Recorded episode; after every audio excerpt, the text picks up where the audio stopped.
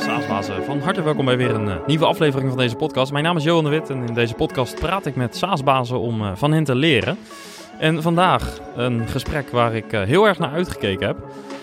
Michiel Schipperes van Sana Commerce is de gast en hij is de CEO van de Rotterdamse Skill Hub, die met 600 mensen wereldwijd tot een van de meest internationale skill hubs van Nederland behoort. En ik ben natuurlijk benieuwd naar zijn verhaal. Ja, en ook deze aflevering wordt weer mede mogelijk gemaakt door uh, Lead Info, een andere Rotterdamse hub trouwens. Uh, met Lead Info zie je welke bedrijven jouw website bezoeken. Het is heel eenvoudig en kan bovendien zonder cookies als je dat wilt. Ga naar leadinfo.com slash saasbazen om meer te ontdekken en om het gratis uit te proberen. Ja, en verder, op 8 september dit jaar, 2022, organiseren we de volgende editie van de Saasbazen Barbecue. Een jaarlijks event waar de community op informele manier bij elkaar komt. En er zijn nog een paar tickets, dus als je erbij wil zijn, koop dan nu meteen je ticket. Want we hebben maar plek voor 150 mensen, meer uh, kan de locatie niet aan. En de 150 begint in zicht te raken. En ja, ik zou het natuurlijk te gek vinden als je, als je erbij bent als luisteraar. Dus uh, ga naar saasbazen.nl. Je krijgt trouwens als lid ook nog uh, 50 euro korting. Dus als je lid bent, uh, is het helemaal leuk. Goed, um, tijd voor het gesprek met Michiel. Let's go! Van harte welkom. Um, ja, mijn eerste vraag zou eigenlijk zijn: hoe is het om CEO te zijn van een bedrijf dat een eigen Wikipedia-pagina heeft? ja, nee, dat is uh, slimme marketing, is dat natuurlijk. Hè? Ja. Dat als je gaat zoeken, dat je daar precies de, de keywords in kunt, uh, kwijt kunt waar je op gevonden wilt worden. Dus kan ik iedereen aanraden. Vind een manier om eigen Wikipedia-pagina te, te ja. maken. En uh, ja, goede, goede linking naar de website. Dat best wel een hoge domeinautoriteit, zoals dat heet. Ja, dat geloof ik. Is je, is je marketingteam daar druk mee bezig geweest? Ja, dat was in de tijd dat we nog uh, growth hacking deden en allemaal ja. slimme ideeën uit, de, uit het team kwamen. Dus uh, nee, dat was, uh, dat was eigenlijk weinig werk en veel, veel effect. Ja, leuk. Nou ja, dat is misschien de eerste takeaway voor de luisteraar. Precies. Oké, okay, um, nou, met, met een iets... En met iets meer relevantie wellicht. Uh, zou je een uh, profielschets kunnen geven van jullie organisatie? Uh, ja, wat doen jullie? En nou, wellicht wat nummers om aan te geven op welke schaal jullie opereren. Ja, tuurlijk. Um, softwarebedrijf.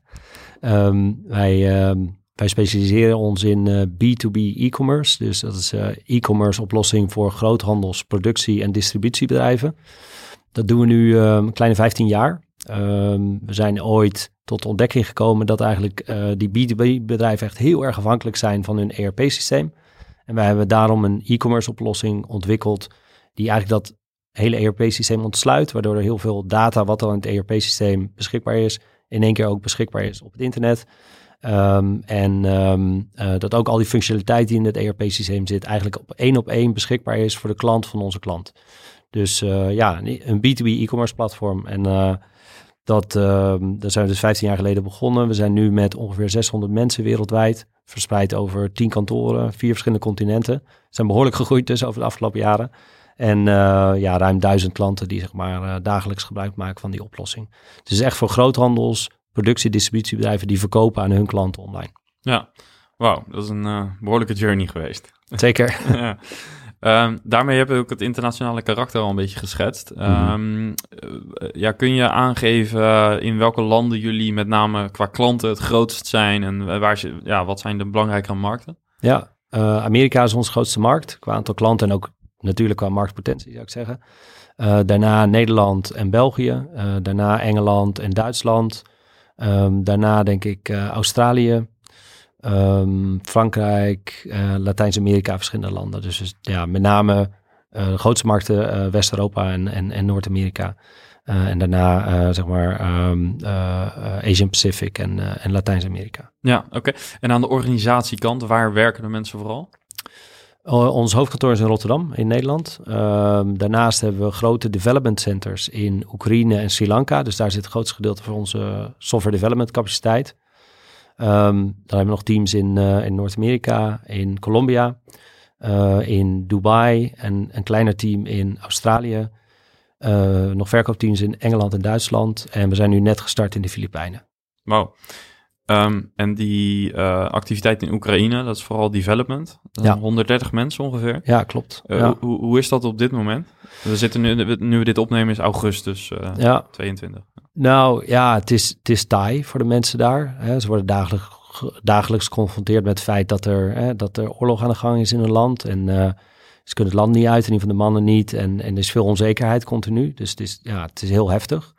en we zitten daar ook al 15 jaar. Dus ja, dit, voelt echt heel erg alsof, het, eh, alsof wij met elkaar in die situatie zitten. Zeg maar. Er is heel veel betrokkenheid binnen de organisatie.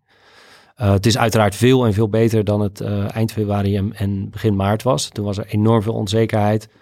Toen, wij zitten gelukkig niet in het oosten of het zuiden. We zitten in het, meer in het westen. Nog twee uur ten westen van, van Kiev ongeveer. Um, maar ja, ook in die beginfase zijn er ook bommen gevallen. En um, ja, dat was ontzettend heftig voor, uh, voor echt iedereen binnen het zadenbedrijf. En zeker onze collega's in Oekraïne. Ja. Gelukkig is het nu gestabiliseerd. Ja, je, gek genoeg zeggen ze ook, ja, we zijn ook gewend aan deze situatie. Life goes on. Uh, ze zeggen ook, als je hier op straat loopt, ja, dan, dan merk je er niks van dat de oorlog aan de gang is. Maar tegelijkertijd is het wel continu top of mind. Dus het is wel, uh, ja, toch wel een hele heftige situatie. Ja, onwerkelijk ook. Uh, ja. Om dat uh, te horen. Ja, zeker nee, omdat zeker. het al zo lang een onderdeel van je team is. Ja, nee, klopt. eind februari, februari we werden wakker en je zet je telefoon aan en je krijgt je weet, tientallen, honderden berichten van ja, het is, het is gebeurd. Rusland is Oekraïne binnengevallen. Ja. En, en ja, dan weet je niet wat er gebeurt. Dan kom je zo'n rollercoaster terecht ben je continu aan het communiceren, ben aan het uitzoeken van wat, wat is aan de gang, wat, welke impact heeft dat voor onze mensen, is iedereen veilig, waar zit iedereen? Mensen gingen verplaatsen binnen het land, gingen het land ontvluchten. Ja, dat is een hele, hele, hele heftige periode geweest. Ja, ja. En uh, de andere grotere landen waar jullie zitten, Sri Lanka? Ja, ook, hoe is dat ook daar? Niet, uh, ook niet echt heel stabiel op dit moment? Nee, zeker niet. Grootste economische crisis in, uh, ja, in 70 jaar, geloof ik. Het is ook heel heftig daar. Mensen kunnen geen brandstof krijgen. Uh, ja, we hebben, uh, mensen hebben uren van de dag hebben ze geen, uh, geen stroom. dus ja, hele andere, hele andere orde, maar voor die mensen echt ook heel heftig. Ja. Wat, wat, en, kun, wat, kunnen jullie vanuit het bedrijf doen voor deze mensen, zowel in Oekraïne als Sri Lanka? Ja, wat ze tegen ons zeggen is gewoon het belangrijkste zorgen dat, dat ze gewoon kunnen werken. Ja. want ze willen gewoon werken en het is afleiding en het is belangrijk voor hun. En een vorm van zekerheid die dan, dan, dan nog is. Absoluut, ja. absoluut. En we hebben natuurlijk ook uh, met die crisis, economische crisis in Sri Lanka, dan kun je ook financieel bepaalde dingen doen, natuurlijk bepaalde maatregelen nemen, zodat ze daar ja, minder uh, de, de negatieve invloed uh, van, van ondervinden. Um, dus ja, we kunnen daar wel wat doen, maar het belangrijkste is dat ze gewoon die continuïteit hebben, inderdaad. Um, ja, en ze flexibiliteit bieden. Ik bedoel, als zij een paar uur per dag even geen stroom hebben, ja, dan moeten ze het, dan kun je deels kun je het opvangen met batterijen en, en solar panels en dat soort dingen. Maar voor een deel moeten ze ook gewoon een stukje flexibiliteit hebben dan op andere momenten hun werk te kunnen doen. Ja. Maar ja, dat is, dat is natuurlijk logisch dat we dat doen. Ja, ja begrijpelijk. Oké, okay, uh, ja, extra spannende en moeilijke kant van het uh, internationale uh, karakter van het bedrijf. Ja. Um, aan de andere kant natuurlijk ook heel, heel veel te leren en heel veel leuke dingen, kan ik me zo voorstellen. Ja. Um, al, al, zou je nu opnieuw moeten beginnen met zo'n SaaS scale-up, start-up en gaan internationaliseren. Wat zou, wat zou je anders doen? Ja, best wel veel dingen. Kijk, uh, ik zal een heel praktisch voorbeeld doen, uh, noemen. Um, is ook de, uh, locaties die je kiest zijn natuurlijk super belangrijk. Je kiest een locatie en gaat van daaruit ga je uitbouwen. Um, nou ja, een van de voorbeelden is toen wij naar Amerika gingen. Toen um, was een van onze collega's zei van, nou, ik wil wel daar naartoe verhuizen. Ik zei, nou, top. En dan ga jij lekker daar de team opbouwen. en vroeg aan hem, joh, waar wil je dan precies naartoe? Hij zei, nou, doe maar New York. Dat klinkt wel leuk. Dus hij ging, uh, nou, ik denk al, uh, wat is het, acht, negen jaar geleden of zo, pakte hij zijn spullen, ging hij naar New York toe. Sindsdien zou daar een team gaan opbouwen. Um, zou ik dat weer op die manier doen? Mm, ik zou er misschien iets langer over nadenken, kijken of New York echt wel de beste plek is, zeg maar, om je, uh, je bedrijf te vestigen. Want New York is extreem duur en heel erg competitief qua arbeidsmarkt en dergelijke. Um, en bijvoorbeeld in Oekraïne zitten we ook niet in Kiev, maar zitten we in een stad net buiten Kiev we zien ook wel dat dat bepaalde voordelen heeft, zeg maar, ook qua, hè, qua um, positie die je kunt verwerven op de arbeidsmarkt. Maar. De, heb je, maar Oekraïne had je eerder gekozen eigenlijk al dan ah. New York? Ja, klopt. Ja. Goed punt. Dus in Oekraïne hadden we het wel goed gedaan. We hebben wel goed uitgezocht van, joh, willen we in Kiev of willen we in een net, misschien een tier 2 city? Misschien toen we naar New York gingen, hadden we of naar Amerika gingen, wisten we ook niet van oké, we gaan echt een heel groot team bouwen. We dachten, nou, begin daar met een paar mensen, dan zien we wel. Maar je ziet toch, als je helemaal dat zaadje plant en je begint daar met een team, ja, dan gaat het groeien, groeien, groeien. En voor je het weet, ja, is dat ook niet meer zo makkelijk te verplaatsen natuurlijk. Nee.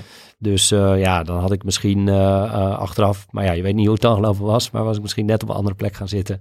Nogmaals, waar je misschien iets meer een positie kunt verwerven op de arbeidsmarkt, wat dichter op lokale universiteiten of zoiets kunt gaan zitten. Ja. En dat hebben we op sommige andere plekken wel gedaan. En uh, ja, in, uh, in Amerika is dat wat anders uh, ja. gelopen. En, en hebben jullie wel plannen om binnen Amerika bijvoorbeeld ook nog iets aan de westkust te doen? Of, of is het nu sowieso meer remote ook? Ja, het was altijd al redelijk remote in Amerika. We hadden altijd een gedeeld team, deels New York, deels remote. Was eigenlijk ook voor COVID eigenlijk al veel gebruikelijker om remote te werken. En we zagen ze ook echt als een hele grote, voor sommige mensen als echt de arbeidsvoorwaarde. Van ik wil remote werken, want geen zin naar kantoor te gaan. Of die commute hebben natuurlijk, die soms in Amerika heel lang kan zijn.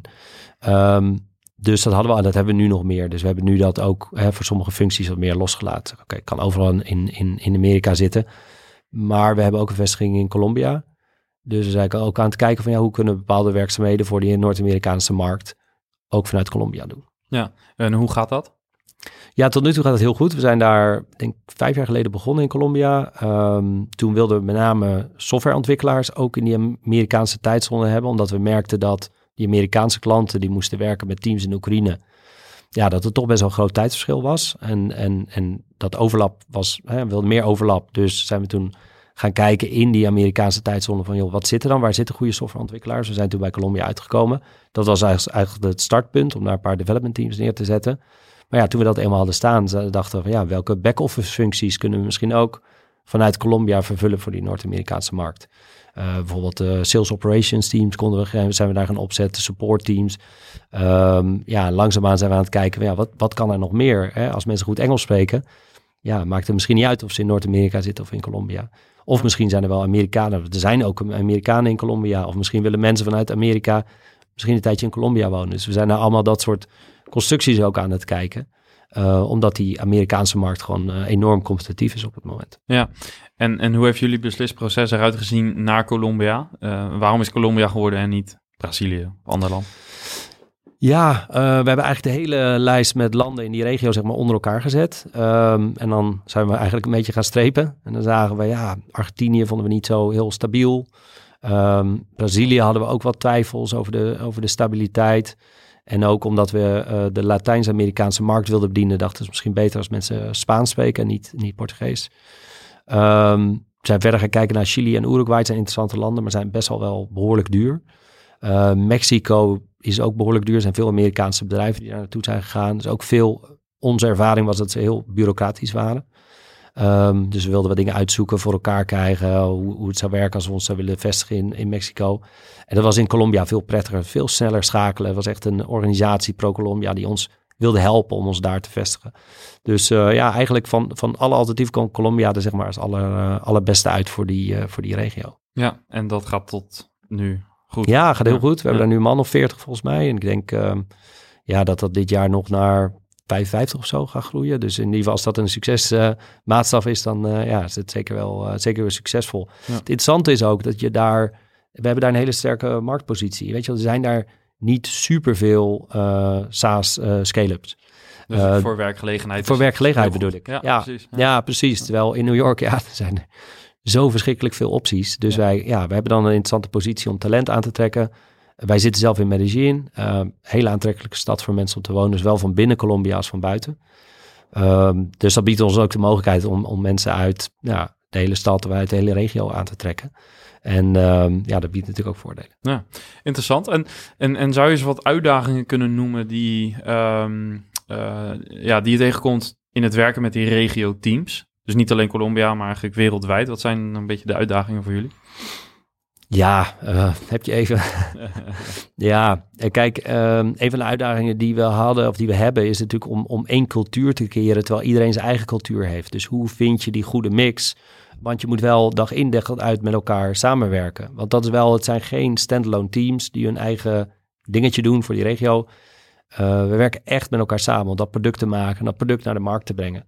Dus dat betekent wel dat als je die overlappende mindset hebt, noem ik het even, dat dat eh, heel veel voordelen biedt. Maar ja, iedereen brengt wel zijn eigen cultuur uh, met zich mee. Dus um, wat wij doen is bij het aanname al heel goed daarop letten van past iemand bij die cultuur.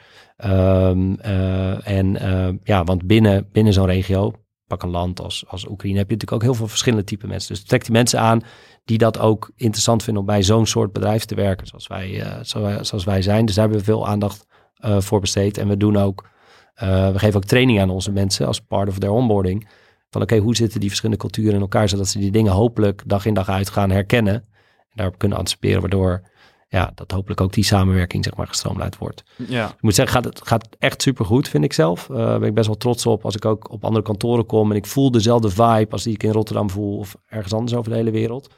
Um, maar dat is wel absoluut door de jaren heen steeds uitdaging geweest. En zeker in het begin. Um, toen wij begonnen in Oekraïne was onze eerste, eerste plek. En dan uitvinden van ja, hoe werkt hoe werken wij nou met hun samen? Hoe leggen wij nou goed uit wat wij willen? En vaak krijg je dan een beetje vingerwijzen van ja, dan hebben ze iets verkeerd gebouwd. En dan wijzen wij vanuit Nederland de vinger van ja, uh, hoe, kun je dat nou verkeerd bouwen? Ja, ja, ja. En dan kom ik in Oekraïne en dan zie ik letterlijk welke uh, beschrijving ze hebben gekregen om hetgeen te bouwen wat ze moesten bouwen. Dan snap ik meteen dat zij eigenlijk geen idee hadden, omdat die beschrijving gewoon, of weet je, het functioneel ontwerp, laat ik het zo even noemen, dat het totaal niet voldeed eigenlijk. Dus, dus die, die clashes tussen, of ja, clash een groot woord, maar die situatie dat je zeg maar um, met elkaar moet samenwerken op afstand, met verschillende culturen, met een, een taalbarrières moet overbruggen, dat heb ik wel in de praktijk veel gezien. Ja. En toen zijn we ook in Sri Lanka begonnen en dan gingen we ook software developers neerzetten en dan moet je ook weer Sri Lanka en Oekraïne moet je op hetzelfde ja, level krijgen, zeg maar. Ja, dat, dat kun je voorstellen dat, dat dat wel even duurt voordat dat, uh, voordat dat zo, hè, voordat het op het niveau is wat je eigenlijk, uh, ja. eigenlijk wil. Ja. ja, zeker met dingen bijvoorbeeld als feedback geven. Uh, wij Nederlanders zijn daarin, denk ik, nou ja, laat ik zeggen, redelijk ongeremd. Uh, maar in andere culturen is dat, heeft dat soms een heel ander karakter, of wordt dat überhaupt niet gedaan, of veel minder, of heel anders. Um, hoe zorg je ervoor dat dus iedereen in de organisatie, hebben, hebben jullie ook echt letterlijk daar bijvoorbeeld bepaalde sessies voor? Of hoe zorg je ervoor dat dat soort dingen die misschien echt wel heel belangrijk zijn binnen je bedrijfscultuur, maar cultureel, landelijk gezien, uh, heel divers kunnen zijn. Hoe zorg je ervoor dat dat goed met elkaar afgestemd wordt? Ja, ja, zeker wat je zegt. We geven daar sessies over. Vanuit HR worden trainingen gegeven over hoe geef je nou feedback. En al onze medewerkers uh, wereldwijd doen een, wat we dan noemen, personal quarterly. Dus één keer per kwartaal doen zij zelfevaluatie, maar daarvoor worden ze ook verplicht, tussen aanhalingstekens, om van twee peers feedback op te halen. Dus dat zit er al vanaf dag één zit dat er al in. Van ja, ik moet feedback vragen. Um, en ik krijg ook feedback. Dus ja, hoop, ja, dat is wel het doel dat we ze daarin meekrijgen. Dat we echt een cultuur hebben waarin je het oké okay is, of eigenlijk noodzakelijk is om feedback te krijgen en te geven. Plus die training. Um, uh, plus ik probeer ook feedback die ik krijg soms uh, naar iedereen toe terug te koppelen. Van hé, hey, ik heb dit gehoord en op basis van jullie feedback gaan we nu dit en dit doen. Dat ze ook snappen van hé, hey, er wordt ook iets echt mee gedaan. En de mensen die die feedback geven worden ook op een soort voetstuk gezet. Waardoor ze zeggen, hé, hey, als, ja. als ik dus kennelijk is dat wat binnen dit bedrijf enorm gewaardeerd wordt. We hebben ook een tooltje draaien, dat heet Office Vibe. Kunnen mensen ook worden, worden elke twee weken worden ze gevraagd om, om wat feedback te geven. En, zijn er ook open tekstvelden waar ze kunnen zeggen van nou, ik heb nog naast de standaardvragen die gesteld zijn, wil ik dit graag nog kwijt. Nou, die, die zie ik ook allemaal. Die loop ik eens in dezelfde tijd door. Dan reageer ik daar ook op. Dat ze zien van, hé, hey, er wordt iets mee gedaan. Er wordt, wordt even op gereageerd. Dus het zijn allemaal van die dingen die, waarmee we het signaal willen geven. Feedback, geef alsjeblieft feedback en ga ook er goed mee om als je feedback krijgt. Ja, dus je maakt het echt heel erg zichtbaar en je maakt het actionable. Absoluut, ja. ja. ja interessant. En, en in, in iets bredere zin communicatie. Uh, ik heb zelf de afgelopen uh, maanden, met name met, met onze nieuwe start, heb ik best wel gemerkt dat er in, alleen al in taal best wel uh, grote verschillen kunnen zitten in hoe vraag je iets aan iemand of hoe geef je een opdracht uit.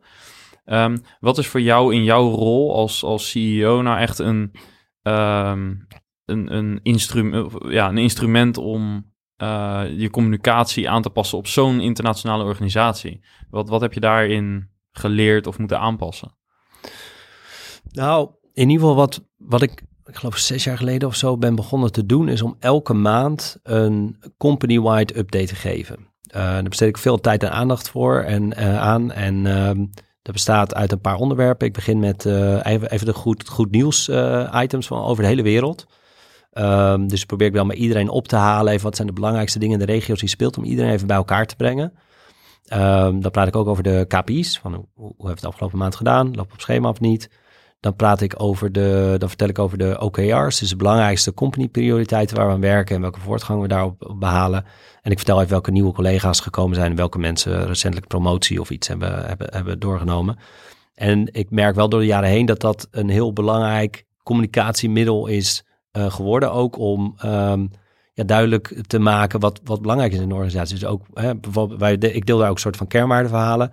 Waar ik bij mensen even de uitpik die iets bijzonders hebben gedaan en waarom ze dat hebben gedaan uh, als onderdeel van die highlights. En um, ja, ik denk dat dat, uh, dat dat wel helpt. Om iedereen even één keer per maand. Ik denk eigenlijk dat het essentieel is voor de organisatie die we zijn met zoveel honderden mensen over de hele wereld. Om even dat incheckmoment te hebben, één keer per maand.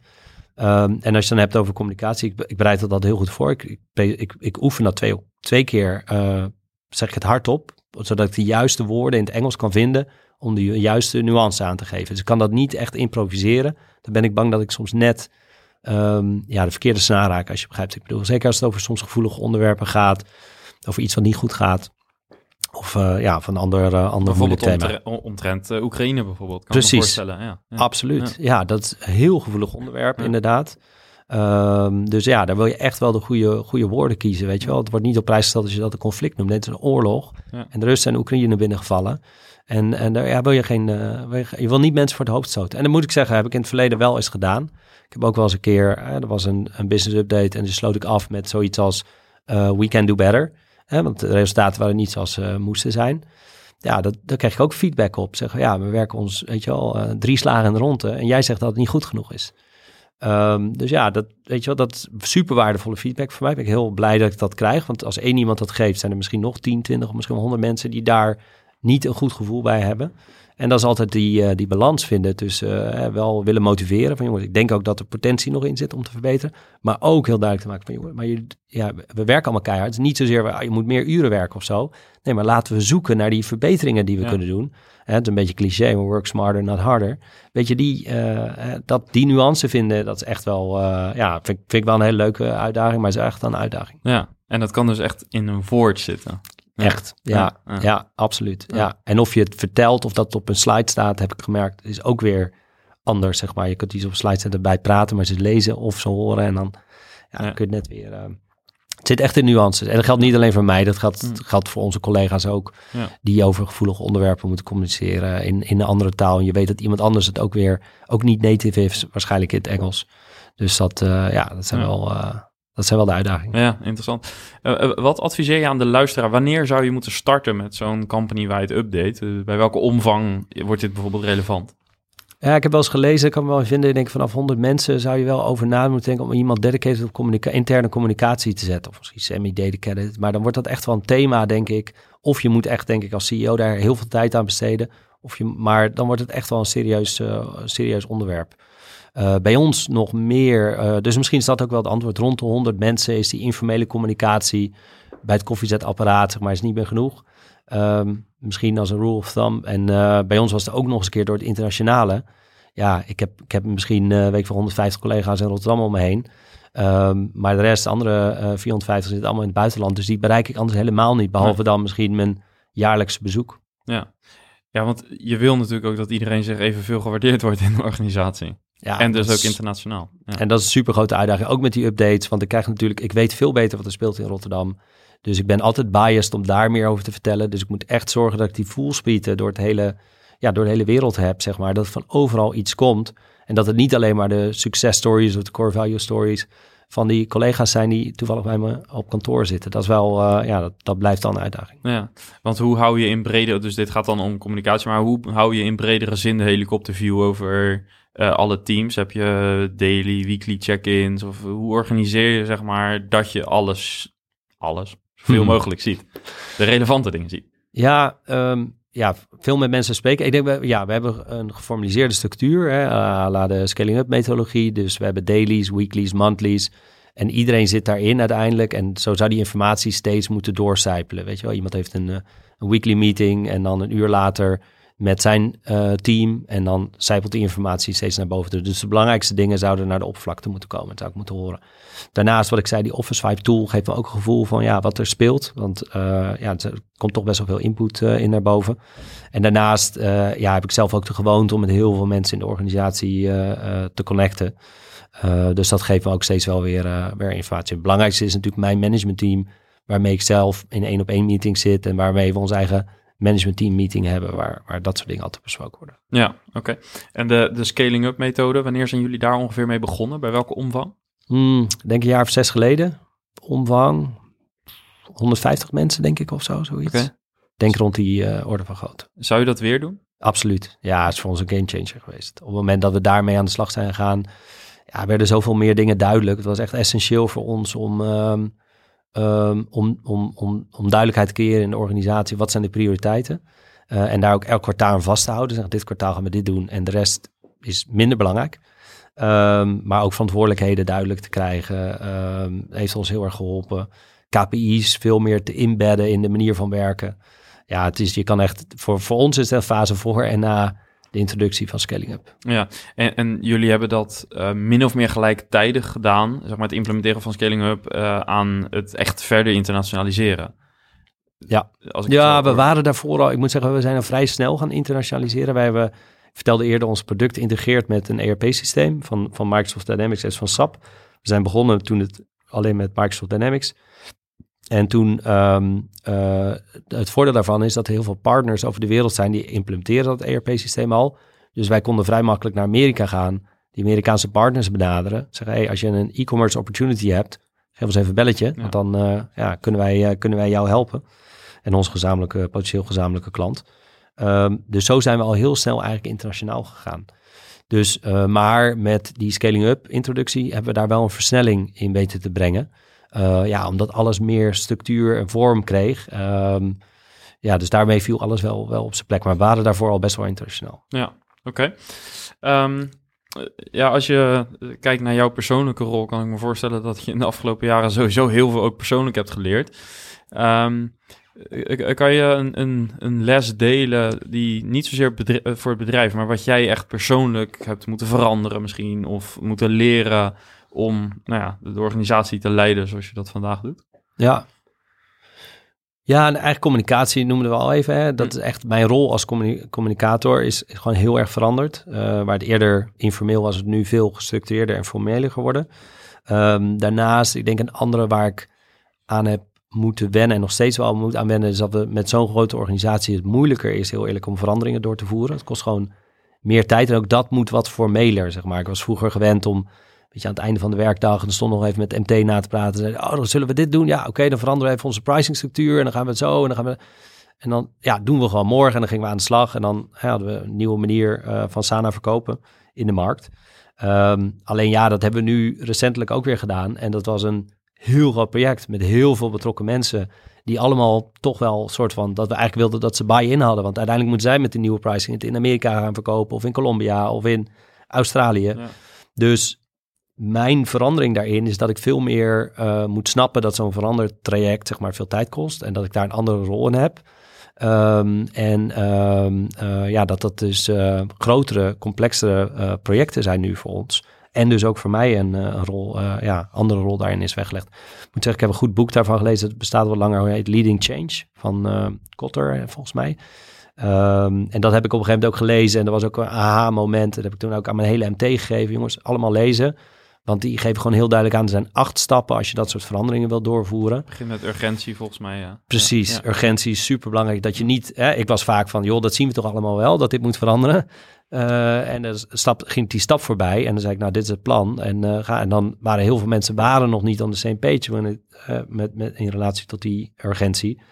Um, maar ook dan zorgen dat als je die verandering wil doorvoeren. Dat, dat ik niet de enige ben die over die verandering praat, uh, praat en over waar we naartoe gaan. Maar dat alle managers, hè, want inmiddels heb, hebben we veel managers. En dan krijg je enorme versnelling mee als die allemaal in de, pre, de, de sessies die zij hebben met hun team ook over die verandering praten. Weet je, dan krijg je die, die multi, dat multiplier effect, zeg maar.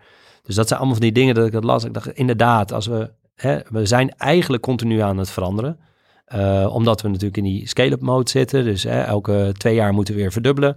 Ja, dan kun je niet hetzelfde blijven doen wat je altijd deed. Dus je bent continu aan het veranderen. En eerder deden we dat gewoon een beetje op intuïtie. En nu is het echt een, ja, zijn dat toch iets meer veranderprogramma's. Ik heet de woord. Maar um, er zit toch meer uh, ja, uh, organisatie omheen om die dingen voor elkaar te krijgen. Ja, klinkt, en, het klinkt als best wel een uitdaging voor een CEO in het algemeen die typisch gezien best wel ongeduldig is. Zeker, zeker. En uh, zeker voor eentje die gewend was om, om met een team van 50 uh, man, ja. of misschien wel minder, heel snel beslissingen te nemen. En, ik, ja, ik heb dat ik heb dat ongeduld echt. En dat heb ik wel, uh, ja, deels toch tussen aanhalingstekens moeten afleren. Ik kon, en dat hielp ook wel met die scaling-up methodologie. Dat ik, um, ja, er waren niet geformaliseerde prioriteiten voor een kwartaal of een jaar. Dus het is ook makkelijk om tegen iemand aan iemand zijn bureau te staan en te zeggen, kijk, ik heb nog een goed idee.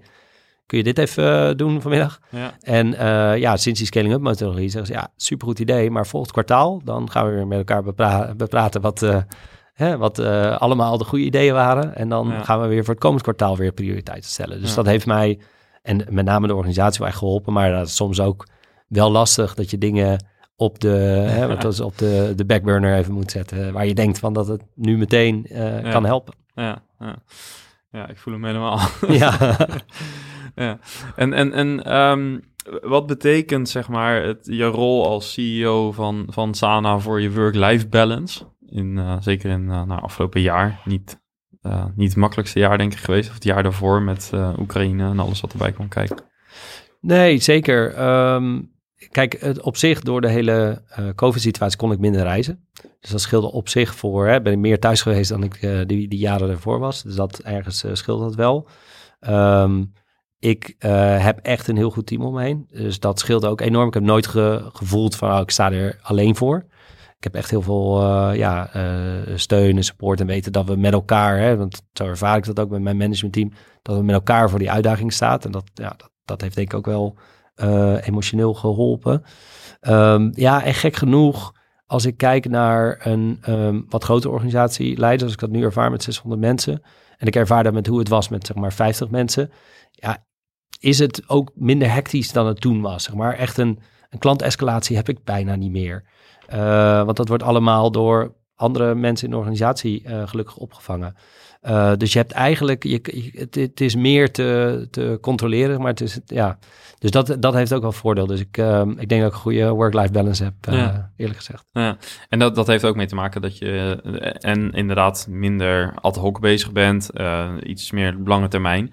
Ja. maar ook ongetwijfeld omdat je zelf ook je, je ontwikkelt om. Uh, want de problemen die, je dan, eh, die jou uh, gaan raken en bereiken, die zijn waarschijnlijk ook groter. Dus je, ja. want anders komen ze niet bij jou uit. Ja. Dus daar moet je dan ook wel weer klaar voor zijn. Maar dat is gelukt om dat, ja, dat schild te bouwen. Ik denk het. Ik denk het. Ja, ik moet wel zeggen. Um, ik heb inderdaad wel wat meegewerkt. Ik ben, ben zelf in 1999 al als, als, als parttime gaan werken bij de eigenlijk de voorloper van dit bedrijf, van Sana. De voorloper was ISM.